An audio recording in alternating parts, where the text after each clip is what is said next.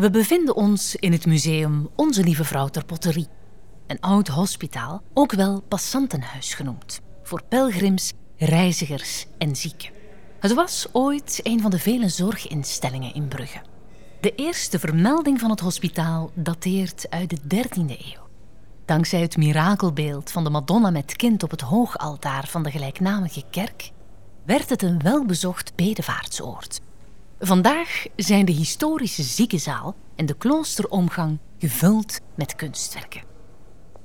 Het is in deze boeiende ruimte dat Laura's Plan voor Triennale Brugge 2021 haar kunstwerk tentoonstelt.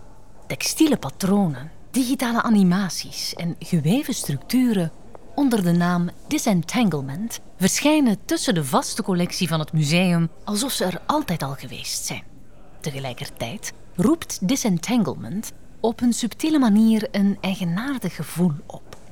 Tijdens het voorjaar van 2020, dat getekend zal worden als het begin van de COVID-pandemie, bouwde Splein verder op haar oeuvre van creatieve invullingen die te maken hebben met zorg en ziekte.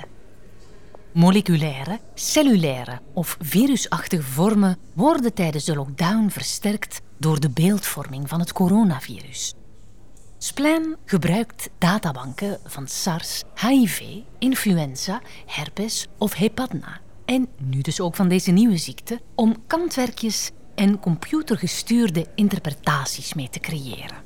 Verhaallijnen van wetenschap, fictie en religie worden verweven op dit rijke terrein van zorg. Haar werk roept gevoelens op die zweven op de lijn tussen pijn en genezing, tussen leven en dood. De Amerikaanse kunstenaar Lawrence Plan is erg geïnteresseerd in biologie en wetenschap, wat tot heel eigenzinnige artistieke creaties leidt.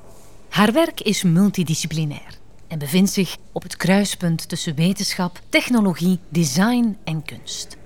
Splan is gefascineerd door de moleculaire structuren van virussen, de geschiedenis van medische instrumenten en de details van de menselijke anatomie. Ze werkt met verschillende traditionele en nieuwe mediatechnieken, waarmee ze artefacten en sculpturen creëert die lijken op cellen, virussen of membranen.